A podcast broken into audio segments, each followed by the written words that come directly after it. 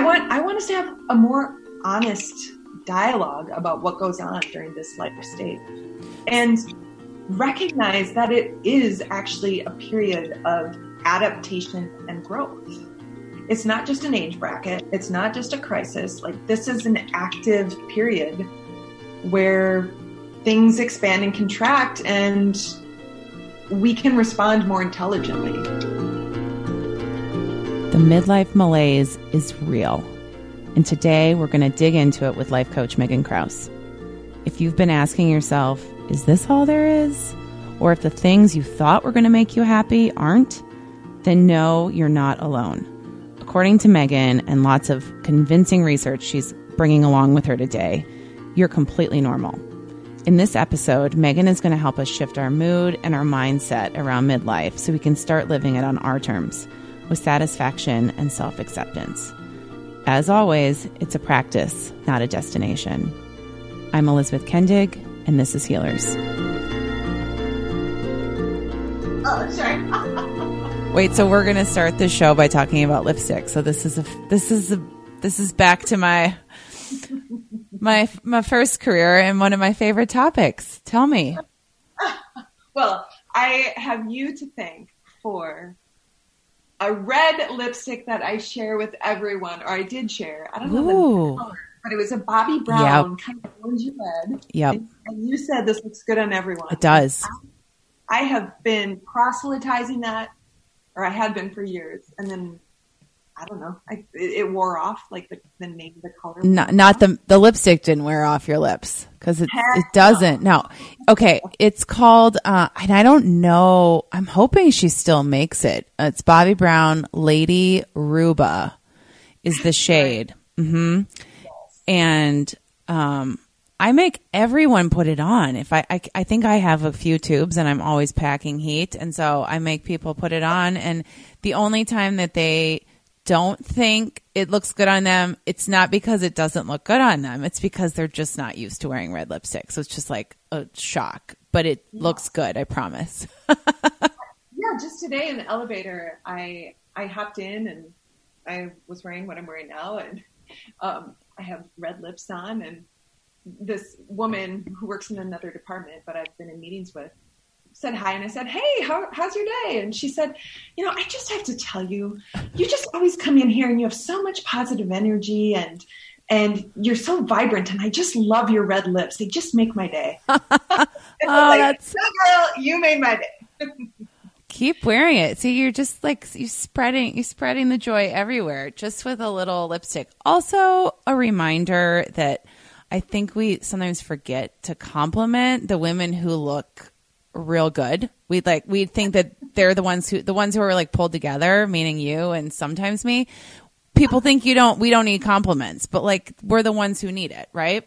Or appreciate it the most because you know, you put some effort in. And I mean, hey, compliments are not a zero sum game. No. You can absolutely spread the joy. I They're spread not. the joy is kind of my uh, my phrase I use when I'm really tuned into like my energy in an experience Oh. and how that how that sort of brings about more and more and more. And Okay. I'm not doing it in an acquisitive manner. I'm not like, what can I get if I am spreading the joy? It's just more observational, you know. Like Wait, give me an example. Give us an example. So you're you mean like that sort of I'll let you answer that question. Give us an example. Sure. Okay. So a fun example is uh, I was in Cabo and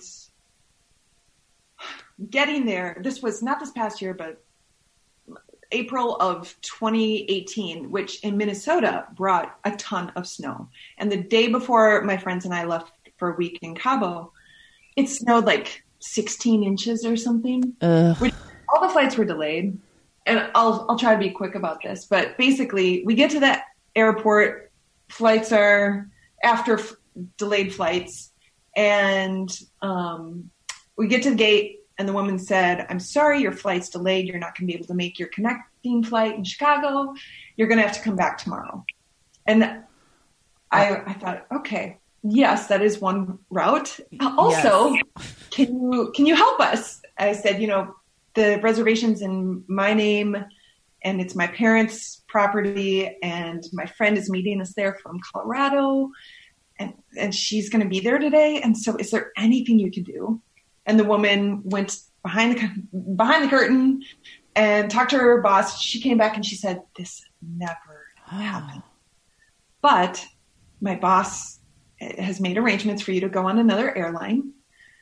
And we're so grateful, right? So then we express our gratitude and we're making our way to the other airline. And a woman intercepts us and she said, Are you going to this airline? Let me help you here because otherwise you're never going to make it. Oh, and by the way, go to this super secret spot to check in because um, the line is going to be shorter.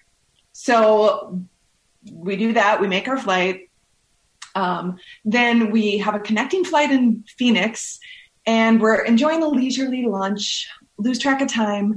Realize we're going to miss our flight. We run through the airport, and the women say to us, "Oh, you're so lucky. This never happens, but the gate is still open. Miraculously, you've made it." Okay, so wonderful. Then um, we arrive in Cabo and meet our friend sitting outside the airport at a bar and um, sit down next to her. I notice a woman wearing a beautiful beaded necklace, kind of a, oh, what do you call those? Um, anyway, a beautiful beaded necklace. And, and I just compliment her on it. And she said, well, thank you. Do you want one? And what? I was like, well, yes, I, I would love to. And she, and then her her partner came in and he's like, well, it's going to cost you blah blah blah. And I said, okay, well, let me try this on. I'm not sure if it's right. And I determined it wasn't the right fit. It was also kind of pricey. But the woman said, I just love that you came over and struck up conversation and you were so positive. May I give you a ring? What? So uh, this whole story is insane. Anyway, it continued the rest of the week and on the flight home when we were upgraded to first class. But the whole point was I, I, was really it wasn't like a conscious manipulative effort but it was more like spread the joy. Yeah let's let's do this. And yeah i mean i also see that you asked for what you needed right? You like you asked nicely. You didn't throw a fit as we've all seen people do at the airport and yes, and then you continue to pay it forward. And also, I believe that we have travel guides that are there to sort of help us in a pinch. Sometimes it doesn't seem like they're uh, present, but um, you got a lot of, you got so many gifts that day. Oh, it was beautiful. So many. Oh my gosh. Yeah, the joy begets more joy, doesn't it? Like any sort of emotion is so contagious when you put it out yes. there. Yeah, it's yeah, I definitely feel better as soon as I say something nice to someone else. You know, even especially when I'm having a bad day. That's sort of like that's a good way to get out of a funk. Wow. Is someone else might be having a shittier day than you are, right? That's so true. So, Meghan, have you always been this um, joyful and bubbly? And is is this how you entered um, what we're going to talk about today. Is how you entered middle age, which you call middlescence. yes, you know. See what she did there? puberty of adulthood.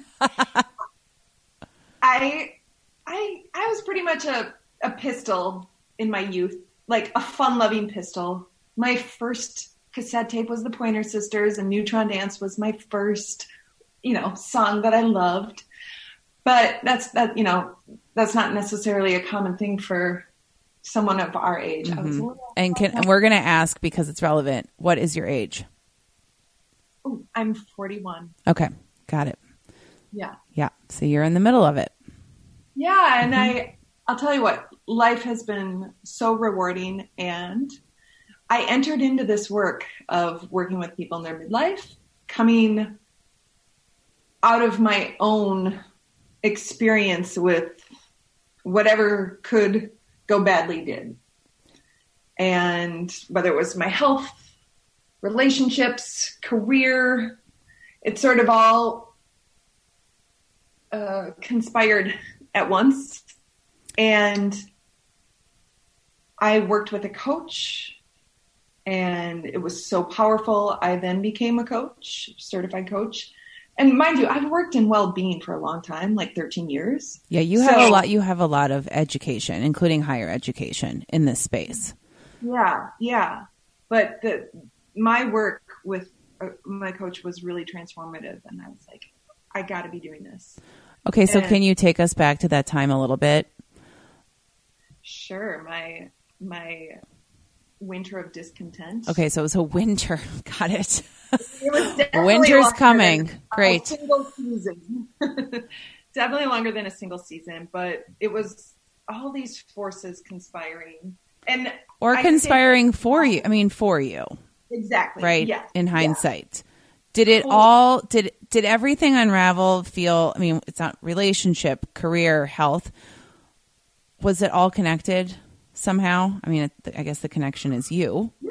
Yeah. So at the time I I had been working as a director of well-being for college and then I wanted to spin out on my own and was a consultant developing well-being products and services.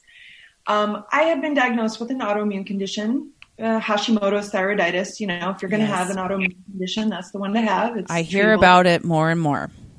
Yeah. Mm-hmm. Oh, and I have a theory about why oh. I have that's related to my youth, which I'll mention in a bit. But, yeah, let's do that. Um, so I had this autoimmune disease. I was having flare ups, again, manageable, and the isolation, the the pressure to get new clients, fulfill on those clients, you know, do it all solo it was hard. Um, I had a really supportive partner. He's a wonderful human and he still is. And we're no longer together, but I, we still have such fondness for each other. But I was living at his house where there was black mold. And, you know, I've been tested for mold allergies. I knew I had one. I also expressed some concern to him that, hey, I think this is a problem. But he he has a PhD in like uh, I don't know what you call it, air quality, basically. So he said, ah, it's okay. You know, he wasn't dismissing me, but he was pretty reassuring. Yeah. Yeah. So anyway, fast forward, I end up in the ER two nights in a row. Um, due to this black mold. And you can imagine symptoms coming out of that were with me for a long time. So I had the black mold exposure. I ended up having chronic fatigue. I ended up having stage three adrenal fatigue or HPA axis dysfunction, as they call it. Um, I was feeling pretty listless professionally too, because you, you know, if I'm not serving the clients the way that I think I can, it's pretty hard. Um, and then ultimately, my partner and I realized we just didn't want the same thing long term. And so it all just kind of came to a head. And what was hard for me, I guess, was well, a few things were hard. There was a quiet desperation. I had some growing anxiety. I had depression. Getting out of bed was hard. My body ached. I was, you know, had brain fog. And there was this insidious loss of self worth, of self respect, of self confidence. And, you know, I kind of wondered, gosh, I'm a, I'm supposed to be the well being professional here. What's going on? And so, you know, I dove in. I, I did the work on myself and it was so powerful. And I'm, that's why I'm happy to be here today and so happy to do the work that I get to do. Well, this is why, yeah, this is why you're you're so well equipped to do the work too, having gone through it yourself. Let's go back to this sort of you you packaged it up so um, con- concisely, but I've definitely heard from more women than I would have guessed were out there, um, or I guess we wouldn't have guessed were in this position because they're surviving and things look okay from the outside, but where everything feels like it's completely fallen apart, or the plan that they had for their life, the second half of their life. Mm-hmm. I mean, the rug has been pulled out from underneath them, whether it's oh. a career not working, a new, maybe they've started a company and it's not coming together. Uh, people have lost spouses. Um, I, and, and to be honest, like in this position, sometimes I feel like I do have lots of advice to give just from talking to so many healers over the years and from my own experiences. But that one, when it's that like the trifecta or it's the really cannot get out of bed, and guess what? I understand why you cannot get out of bed.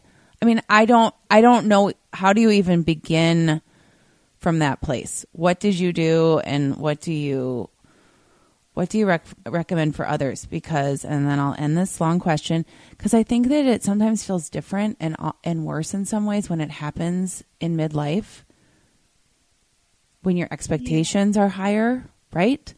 Than when oh. you're 25 and and the job doesn't work out or the relationship doesn't work out. Oh, absolutely, absolutely. You know, a common phrase is "be gentle with yourself," and it was as if someone needed to hit me squarely over the head with that message of being gentle with myself. And that that rang true for me when I struggled to get out of bed. Right. When you were, in fact, probably being extra hard on yourself during that time. Like, how do I not have my shit together by now? How is everything falling apart? And I am this age with this education and this experience. Yeah. No. Yeah. And it, it really, it didn't happen suddenly. It just built the it gained momentum and and i finally just grew tired of pretending to be fine you know just to please others and to avoid rejection or perceived rejection and you know this this probably stems from like listen i grew up in a small town and when you grow up in a small town i i actually i've wondered is there a correlation between being more neurotic when one grows up in a small town I say that not as though it's a bad thing, but more like, hey, I'm in a fishbowl. Mm-hmm. I need to always be aware of how I'm presenting and or being perceived by others. I have no idea. But I don't either. That's interesting though.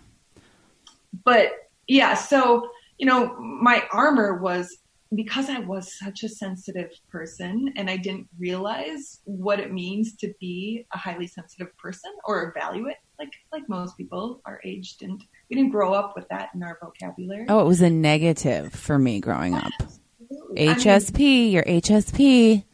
Yeah. Yeah. Yeah. Mm-hmm. So I I truly chose to like bury the hurt. I used to cry often as a kid and I got teased for it. I didn't want to cry. I, I couldn't help it. Um, but it, because I got teased about it, I shut it down. I don't know how I shut it down, but I did in my in middle school. And it wasn't until a qigong appointment with Master Chun-Yi Lin at Spring Forest Qigong um, in my mid early to mid twenties that I started to be able to cry again. I didn't even go to him. It wasn't even for me. I was there with someone else for them, but I was receiving the benefits of qigong, and tears just started streaming down my face. I didn't know why. I I didn't I couldn't make any sense of it. But then I was able to start crying again, which I'm so grateful for. But so, you know, I had I share this to say that like earlier parts of my life were peppered with some of these experiences of hey, you need to be gentle with yourself. But again, it it really took a major kick in the ass to realize that my armor just wasn't serving me and so, you know, I come to this work with that experience, but I see, I saw it in myself and I see it in everyone else. Um, you know, like if our armor's not serving us, what, what do we do? Well, often we ignore it, you know, we deny it. Sometimes we, we buffer, you know, whether it's what we eat, what we drink, perfectionism, avoidance, how we spend our resources, and you know this isn't an effort to somehow circumvent the pain or discomfort. And fortunately for me at, at this point i knew listen i got to embrace this. This is definitely a growth opportunity here. And so i stepped into that space of unraveling. I embraced its wisdom and i'm so happy to be here today serving midlifers who are navigating transition precisely because of this choice. So much and, there, so much good stuff. Um, yeah, particularly, I mean, we're all we're all just we're just we're trying to protect ourselves from s- repeating the ways that we've been hurt in the past. So whatever that looks like for you, right? You yeah. Were told not to cry, given a hard time for being sensitive. There are myriad ways that we put on that armor. Well, yeah. Yeah. I, and I remember Mrs. Wenzel's second grade class. Oh my gosh. Not that, hold, not that I'm holding on to this from Mrs. Wenzel. It's just more interesting. Um, she made me wear an I talk too much sign in what? second grade. That's like yeah. a scarlet letter. That's horrible. I know it, it is awful, and it is. I don't think it's any surprise then that I have thyroid issues. Wait, why? Yeah. I mean, I understand why you would have issues from that. Right, like like if I'm told to suppress my voice, mm-hmm. and if I'm told to not cry, like you know, what do you think is going on with my voice? I haven't given myself a voice. And how is that connected to your thyroid? Well, I think like energetically, there's there's a couple people out here doing some emotional autoimmune mm-hmm. related um, work. And so imagine if there's an energy block there for a long time. And if, you know, if what the medical medium says is true about uh, the Epstein Barr virus sort of burrowing into places of weakness, and that's how and well, at least that's how Hashimoto's functions according to his work. Um, I can imagine an energy blockage in my throat is a vulnerable place for Epstein Barr virus to be like, we're getting after this. Yeah. It's manifesting. Yeah. Yeah.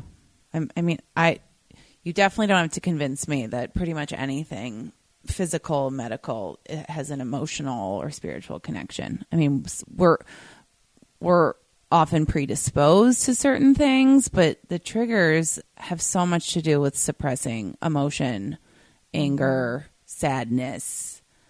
And your body tries to hold that someplace until it can't anymore. Yeah, and then it breaks down. Yeah.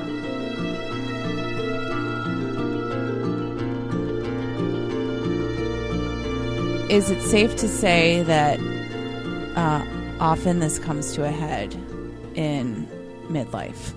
We can't we can't hang on anymore. Partly because we're bo- our bodies are aging too, but also also we get to this point of uh, starting to question because because the things we thought we were going to make us happy aren't working anymore, and that armor isn't it's cracking. Oh my gosh, I'm not, I'm going to stop with the metaphors, but what happens at midlife? This is the this is a lot about the work that you're doing. Yeah, yeah. So the research around midlife is really interesting. Now, I shared my story, and uh, you'll notice I was careful to not use the word crisis. I don't. It's Why? Not I, it's not that I have anything against that word, but I, and it might very well have applied to me, but we use and we overuse the word crisis to the extent that it's become a caricature. And that's precisely what I think is dangerous about it because when we make it a caricature, we sort of suppress what is really going on, a malaise. So yeah, a cri- midlife crises exist, but they exist in about 10% of the population. And of that 10%, some of it is situational, you know, the loss of a, a loved one. Some of it is, uh, or some of the people are people who tend to have crises in ver- at various life stages. So when we use the word midlife crisis, I think we're exaggerating and not giving credence to, or we're giving short shrift to something that is more more pressing and more prevalent, which is this midlife malaise. Interesting. And, okay. Yeah.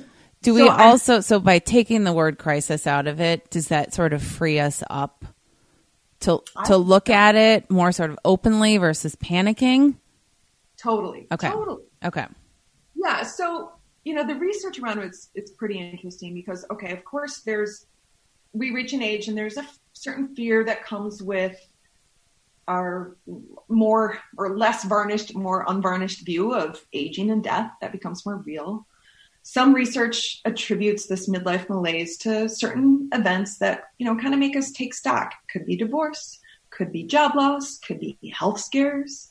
And then, of course, there's also just the overload that we have. If we're of the sandwich generation, managing children and parents, we've got demanding jobs, perhaps college tuition. And then of course there's the the the topic of happiness and the happiness U curve research. Are you familiar with it? No, I'm not. Okay.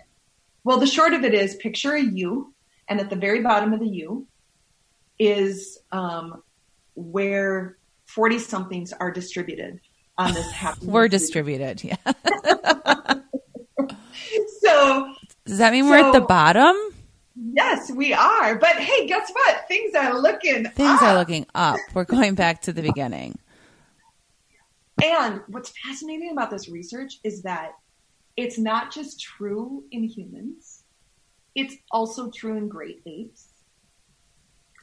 And it's not just true for a particular subset of people, it's true across geography, across gender, across um, race. There's one factor that plays into it a little bit more than other axes of identity, and that is socioeconomic status. But by and large, the trend, regardless of all those other factors, shows that we're at our nadir in, in our 40s. And so, you know, that's why I want to support people in that time. Wait, we're at our what in our 40s? At the bottom. Like, we're, yeah.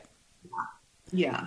So, so there's, de- it's definitely, this is back to being gentle with yourself. What you're experiencing is normal and not, and not to you know, throw the second arrow that there's something wrong with you. Right. That the malaise is here because it is a natural progression. Yes. Or maybe it can be avoided, but you know, that's that's the next phase maybe. you can start you can start working with 20, 30 somethings to prepare them. well, I do. I try to I do work with I say I work with people in their 35 to 55 and that's intentional um preventative for women, yeah, this onset of this malaise happens earlier, about seven years earlier than it does for men. And it's so, so funny women, because it's you know the stereotype is that it's the it's the mid you know 40s 50s man who leaves his wife and gets a red sports car. And i wonder if that still happens or if it's happening less because now we have like words for this. We can we talk about depression. We talk like also uh, careers are not as stable as they used to be. So and I mean nothing is as stable as they used to be. So now this isn't like it's not manifesting in this like extreme, you know, I'm going to run away, but we're we're faced with it like in everyday life. Oh, absolutely. And so I don't, it's, I certainly give credence to the happiness U curve research for sure. But I also am like, all right, we have agency in this world, you know, and, and for people to be able to just be present to that discomfort is really powerful and not thrash around like trying to resist, you know, what you, what you resist persists. so I want, I want us to have a more honest dialogue about what goes on during this life stage and recognize that it is actually a period of adaptation and growth.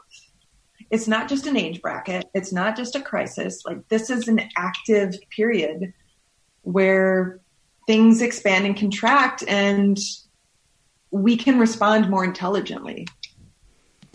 So, I like to equip people with the tools to do that. I love that. I love that and and that that to your point, we have agency. You can do something about it, and that I think this is where your work with shifting our minds, not just like tactical, right, but looking at this time as an opportunity and empower ourselves. And I'm going to throw all those words out that, you know, sound like platitudes, but it's already sort of giving me some relief just to talk about it this way this is normal and here's what we here's how we shift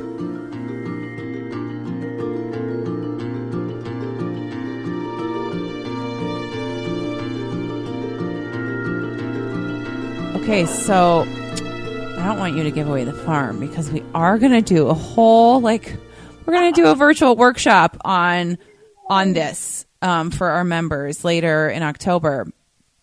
But um, what can you what can you share? What do what do you wish you know? What are some of those like big tools in your toolkit um, and that you work with your clients on about yeah. um, that sort of like is this all there is feeling? Right. Yeah. Right. Yeah. Um, yeah. I, so I like to think of it as I just help people live life on their terms. This isn't about suppressing negative feelings. It's not about avoiding difficult situations. It's really about living life on their terms. And there's there's sort of three buckets, I guess, um, that I help people address. Can we just so, pause one second? Sure. Do they know what their terms are at that point? Like, do we, or I, I feel like we're all sort of like, wait, what do I want anymore? Is, yeah. Right? Okay. That, okay. That's, that's, part of the exercise. Yeah. Yeah. Okay. that's the first. Um, proceed. Sorry. no, no. I, I love it. You're, you're on it for sure. Yeah. It is giving, it's helping people create the space to discern what they want and, and to allow for discovery and discernment, really.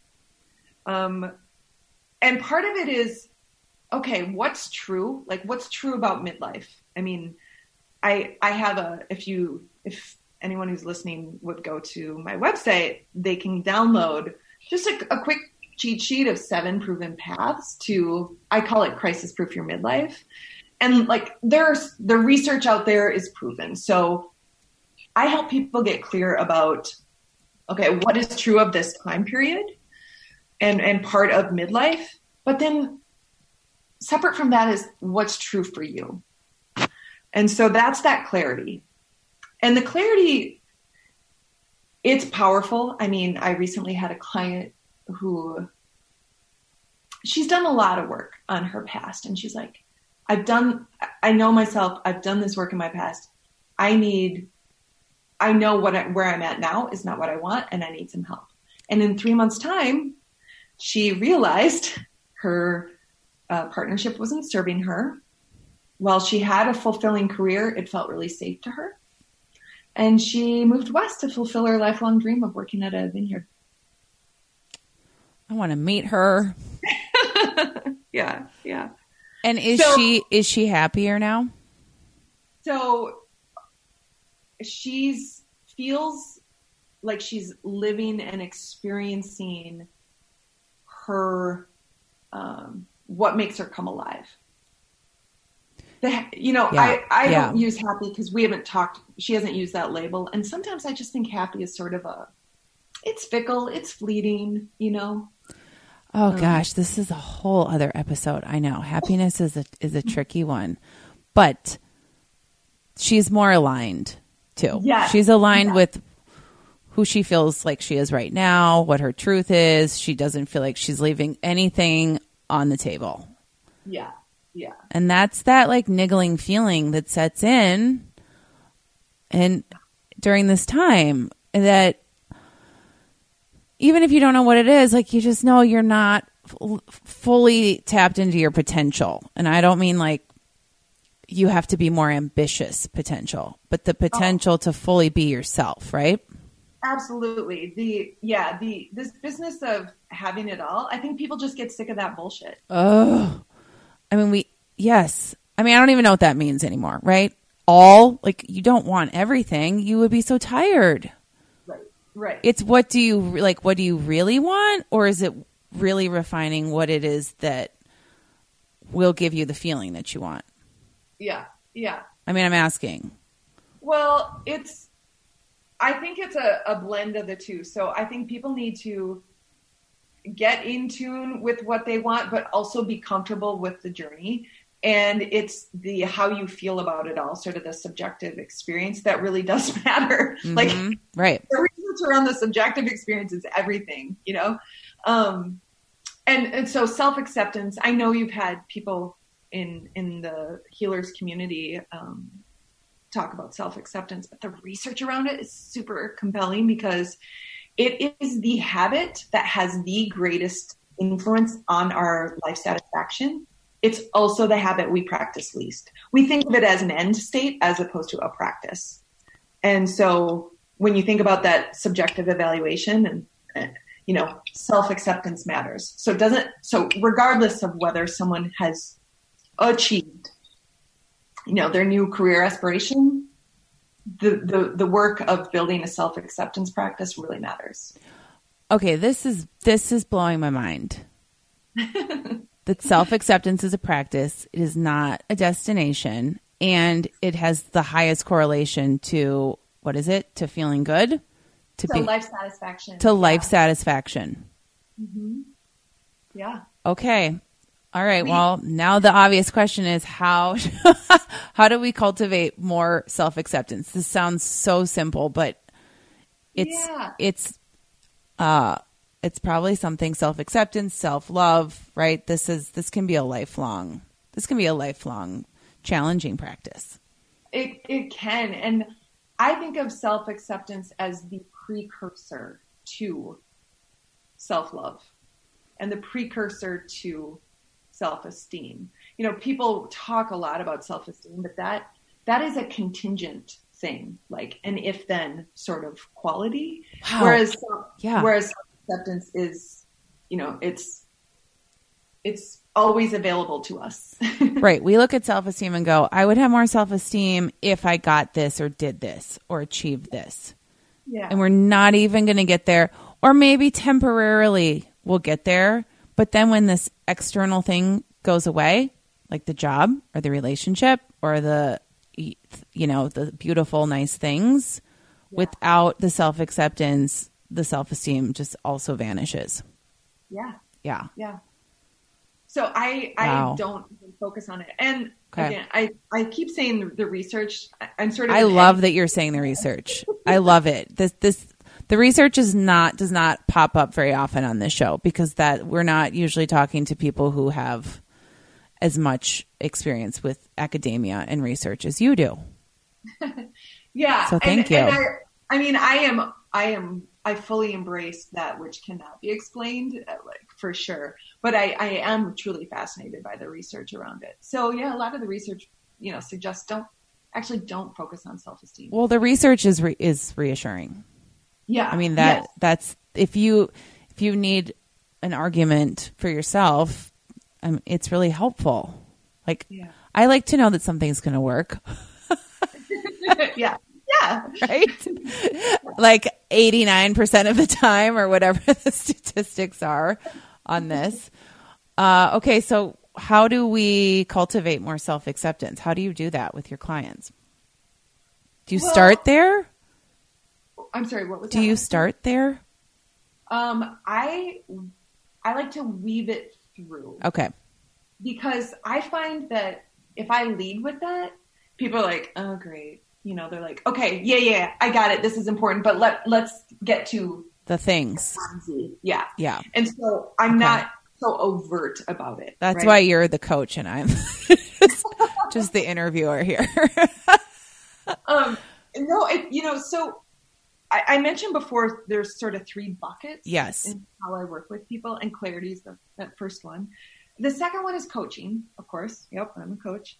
Um, and the the act of coaching and the process of it it's, it's just so powerful i you know i i drank the kombucha on coaching and i can't say enough great things about it i mean it, yes it gets the best outcomes in like healthcare settings but just in terms of people developing a self-acceptance practice you know if it's such an abstract idea if no one's ever taught us how to do it. And that's true of mindset. People are like, well, you just need the right mindset. It's like, uh, okay, but how?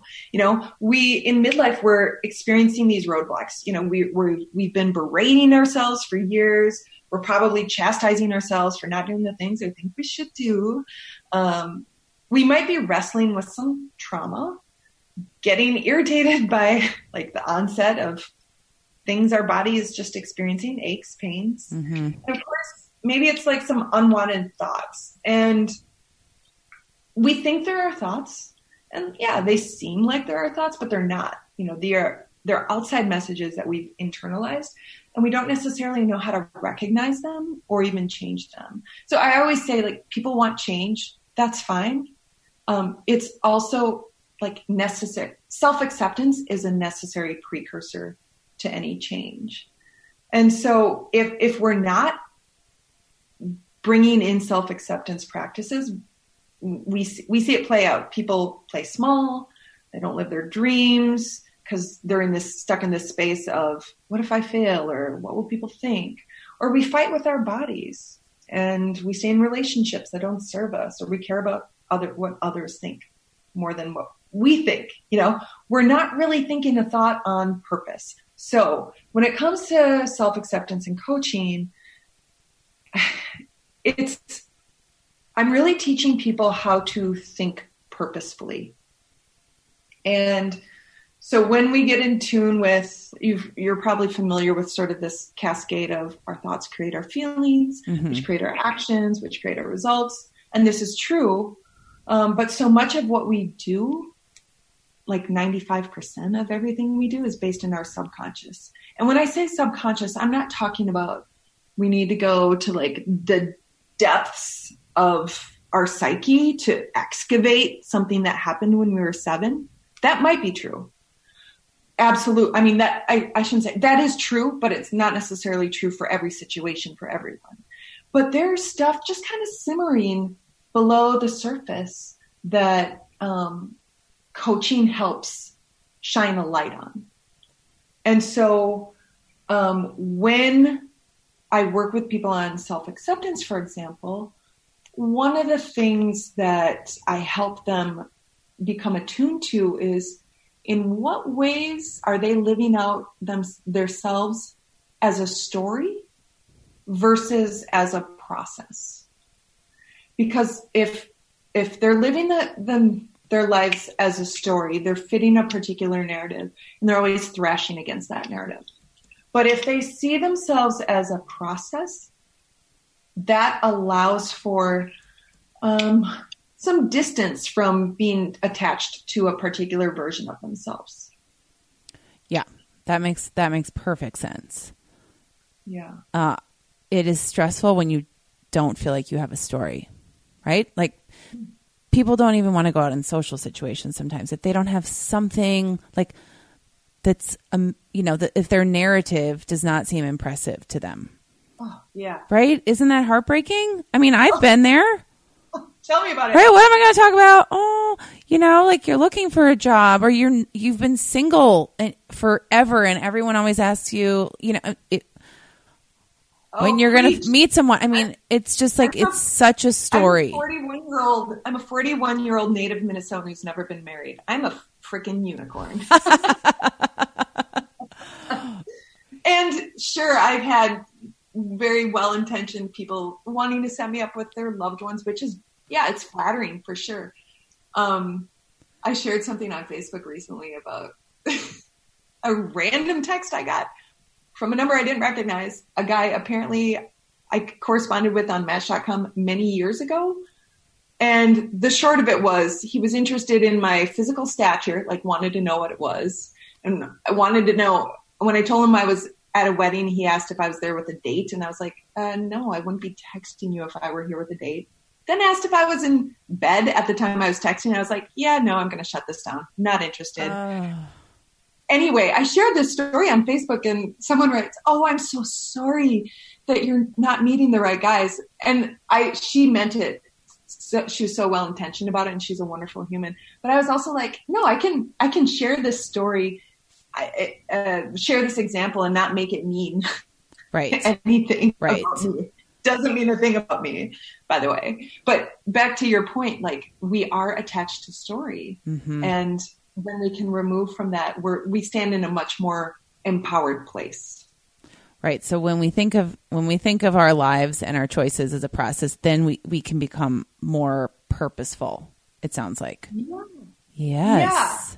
Yeah. Yes. So yeah, how to how to think about on purpose. Um, how do you you know that cascade, that coaching cascade I walk through thoughts, feelings, actions, results. I don't know then, why. I don't. I'm going to interrupt you because that's what I'm doing today. I guess which means oh, no. you're saying a lot of things that I want to hear more about. So I've never asked this before. Uh, might be obvious, but how do you think of coaching differently than therapy? Oh, I like I like that. Right? Question. I mean, there's I mean, we I, I understand. You know, you're not a psychiatrist or a psychologist, and there's you know the the science at play there that might not be part of coaching, but how like it probably has a whole different like energy and vibe around it. Yeah, yeah, it does. Okay, so I have an analogy that I like to use. I knew um, you would have something. okay, so imagine we all have baggage, which of course is not hard to do at this point in our lives. Nope. and the older we get, the more baggage we have. A therapist will help you identify your bag, how to unlock it, examine what's inside, where it came from, how to determine what you can leave behind and what you'll just have to pull along. And a coach helps you lift that proverbial bag into the overhead compartment and take it on the road. And a coach helps you understand what self limiting messages you hold in that bag and, you know, choosing to travel with them or remove them from your bag you then create a vision, you gain new skills, and you move forward. So it's like it's a travel metaphor. Mm-hmm. Yeah, as Elizabeth Gilbert says, you can get in the back seat because I am driving. She says that about her fear. Like I know oh. you're there, but it's time to get in the back seat. Yeah, I love that. It helps and me I, for sure. Yeah. And and look, I I really value therapy and have referred clients in the past for sure. I I see it like I help people who are functioning move forward to pursue what they, you know, what makes them come alive. Yeah, they're complementary. That makes sense. Yeah. But you yeah. you articulated it so well. Okay, so where are we on the steps? We're on clarity, coaching. So, yep. What's so the third? Three, yeah, we talked a little bit about purpose, right? Living on purpose, thinking on purpose. And and story and how that can be challenging. Now, I'm going to throw a curveball here. The third bucket is another C, and it's context. And the curveball is that while story can get us tripped up when it comes to self acceptance, identity and being proactive or having agency in choosing our identity is what is so powerful for actually rewiring our brain and and actually like living out the behaviors that become the habits that create the lives that we want. And so um, again, context is this the broader bucket. So we have clarity, coaching, and context. But identity, that we do or don't do things that are consistent with our identity or self conception. And that's the context? Yeah. And so I help people change their context and rewire their brains through repetition, um, you know, and through some other healing modalities. I use tapping. Sometimes, sometimes what someone needs to work on is a behavior. Sometimes it's energetic, and sometimes it requires a little excavation of like what's really going on here. But it always involves identity. So give so, so give us an example. Give us an if you can give us an example of a client that you worked with? Like, what was the identity that was sort of blocking this person, and how did you shift that? Yeah. Well, a common phrase you might hear is, I'm someone who. Oh, okay. Yeah. Mm hmm. So I had a client. There's a lot of identity tied up in that. Yeah. Yeah. Okay. Okay. And um, so I had a client who is a he he works in theater. Um, he's on the West Coast, and he's sort of presented with a choose your own adventure scenario with his career. One was sort of the known safe entity. Um, one was uh, what he's currently doing, just expanded. Uh, one was a newer opportunity similar to something he'd done in his past that really brought him great reward. And the third path uh, was something completely different. And I, I have no preconceived notions when I coach people. But what was really telling was he had no problems answering just in like casual conversation where he wanted to go. But when it came to the act of cultivating pursuit of that third option, he kept arguing for his limitations. I am someone who, I am someone who, I do this, I am that. And so part of my work is in shining the light on the ways in which we're attached to particular identities. And, you know, I'm all about liberation versus limitation. And so that was just a perfect, or I don't know if it was a perfect example, but that's like one small example of how I see that show up with my clients. And that identity that he's hanging on to is part of that armor that we talked about. Too. Yes, absolutely.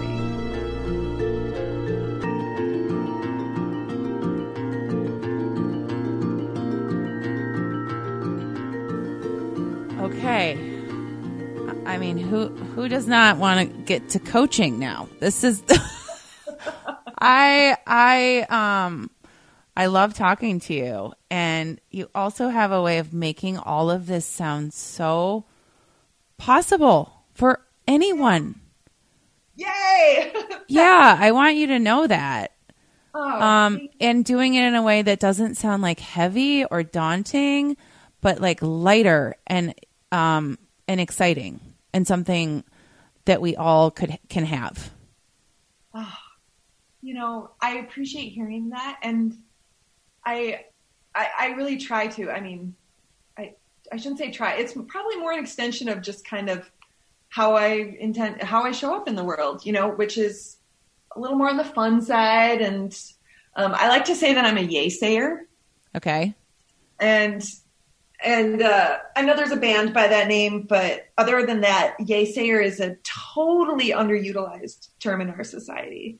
I'm a I'm a yes you can kind of person, and um, I used to I used to feel badly about that because I didn't really understand that. Uh, I, I, you know, for years I didn't feel badly. For years I just like went on life, just bounding down the street, doing my thing. But then um, I was around some people who. Uh oh, come back. We lost your volume. Oh shoot. That's Can okay. Yeah.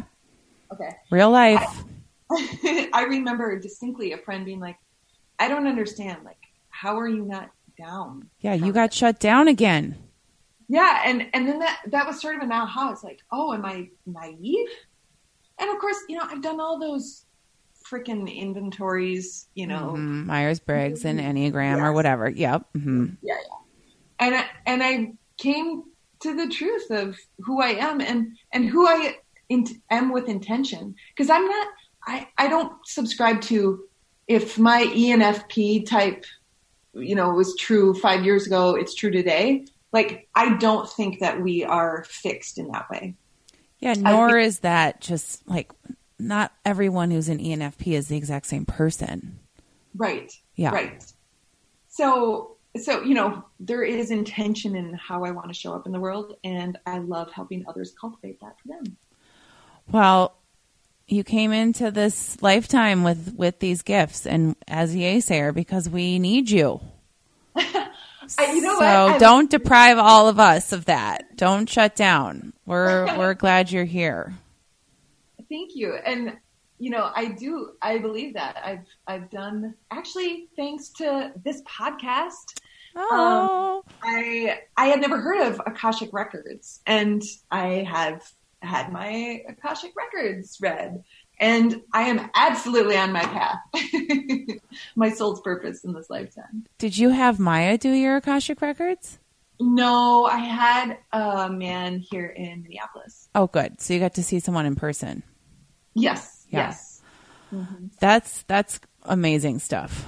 Yeah. Very you. cool. It's the it's the um, what is it? It's like the superhuman highway or something. I can't remember what uh, how Akashic records have been described to me, but it's like a record of all of our lifetimes. And yeah, it's wild. But it, and it is one of those those spiritual tools that will just reinforce that you're on the right path or if you're not. So yeah. Uh, yeah, and sometimes we all need a little like a little nudge in that direction. Oh. Uh okay, so let's wrap with what we a little bit of what we can expect at our is this all there is workshop with you, which we're going to do, you know, virtually as a group. We have it slated for the evening of October 23rd. So mark your calendars. I'm really, really excited. And we talked about a lot of topics, but this is the one that like struck me as something that could benefit anyone at any age who's just feeling that malaise. Is this all there is? Because it's not, because your life is not making you feel how you want to feel or not what you expected yeah. it to feel like. It's super important. Yeah, absolutely. Um, yeah, I'm very excited about it. I talked a little today about those three barriers to living mm-hmm. life on your terms, and they'll be that'll be part of that workshop. Cool. Um, and, yeah, and we'll obviously dive much deeper into them and and the the what and the how related to that. Um, I we just we're in this stage, you know, people in early midlife where we have more economic and social power than ever, but our satisfaction is at an all-time low. And so the purpose of this workshop is really to help people liberate themselves from the inside out. And sure, you'll get some exposure to what coaching is like, you know, because I, I, get it. I, as someone who has a couple grad degrees, sometimes I'm like, oh, coaching is such a charged label or mm-hmm. term. Yeah as someone who has worked in well-being for 13 years, I also know the outcomes that coaching gets are so impressive. And so um, I want to give people the foundational tools to be able to create that unconditional life satisfaction. And so that's what the workshop is about. It sounds incredible. And we you know, you know, we do this. We have this community so that people can go deeper than this podcast and also find practitioners like you that they connect with and want to, you know, work with again. And so this is just another way of deciding do I do I need more coaching? And no matter what, you'll take something away that is going to be really helpful. So, yeah. we'll have all those details in the show notes and at healerswanted.com. And also, if that's not your jam and you're like, I want more, like immediately, what is happening starting October 28th? You have a camp?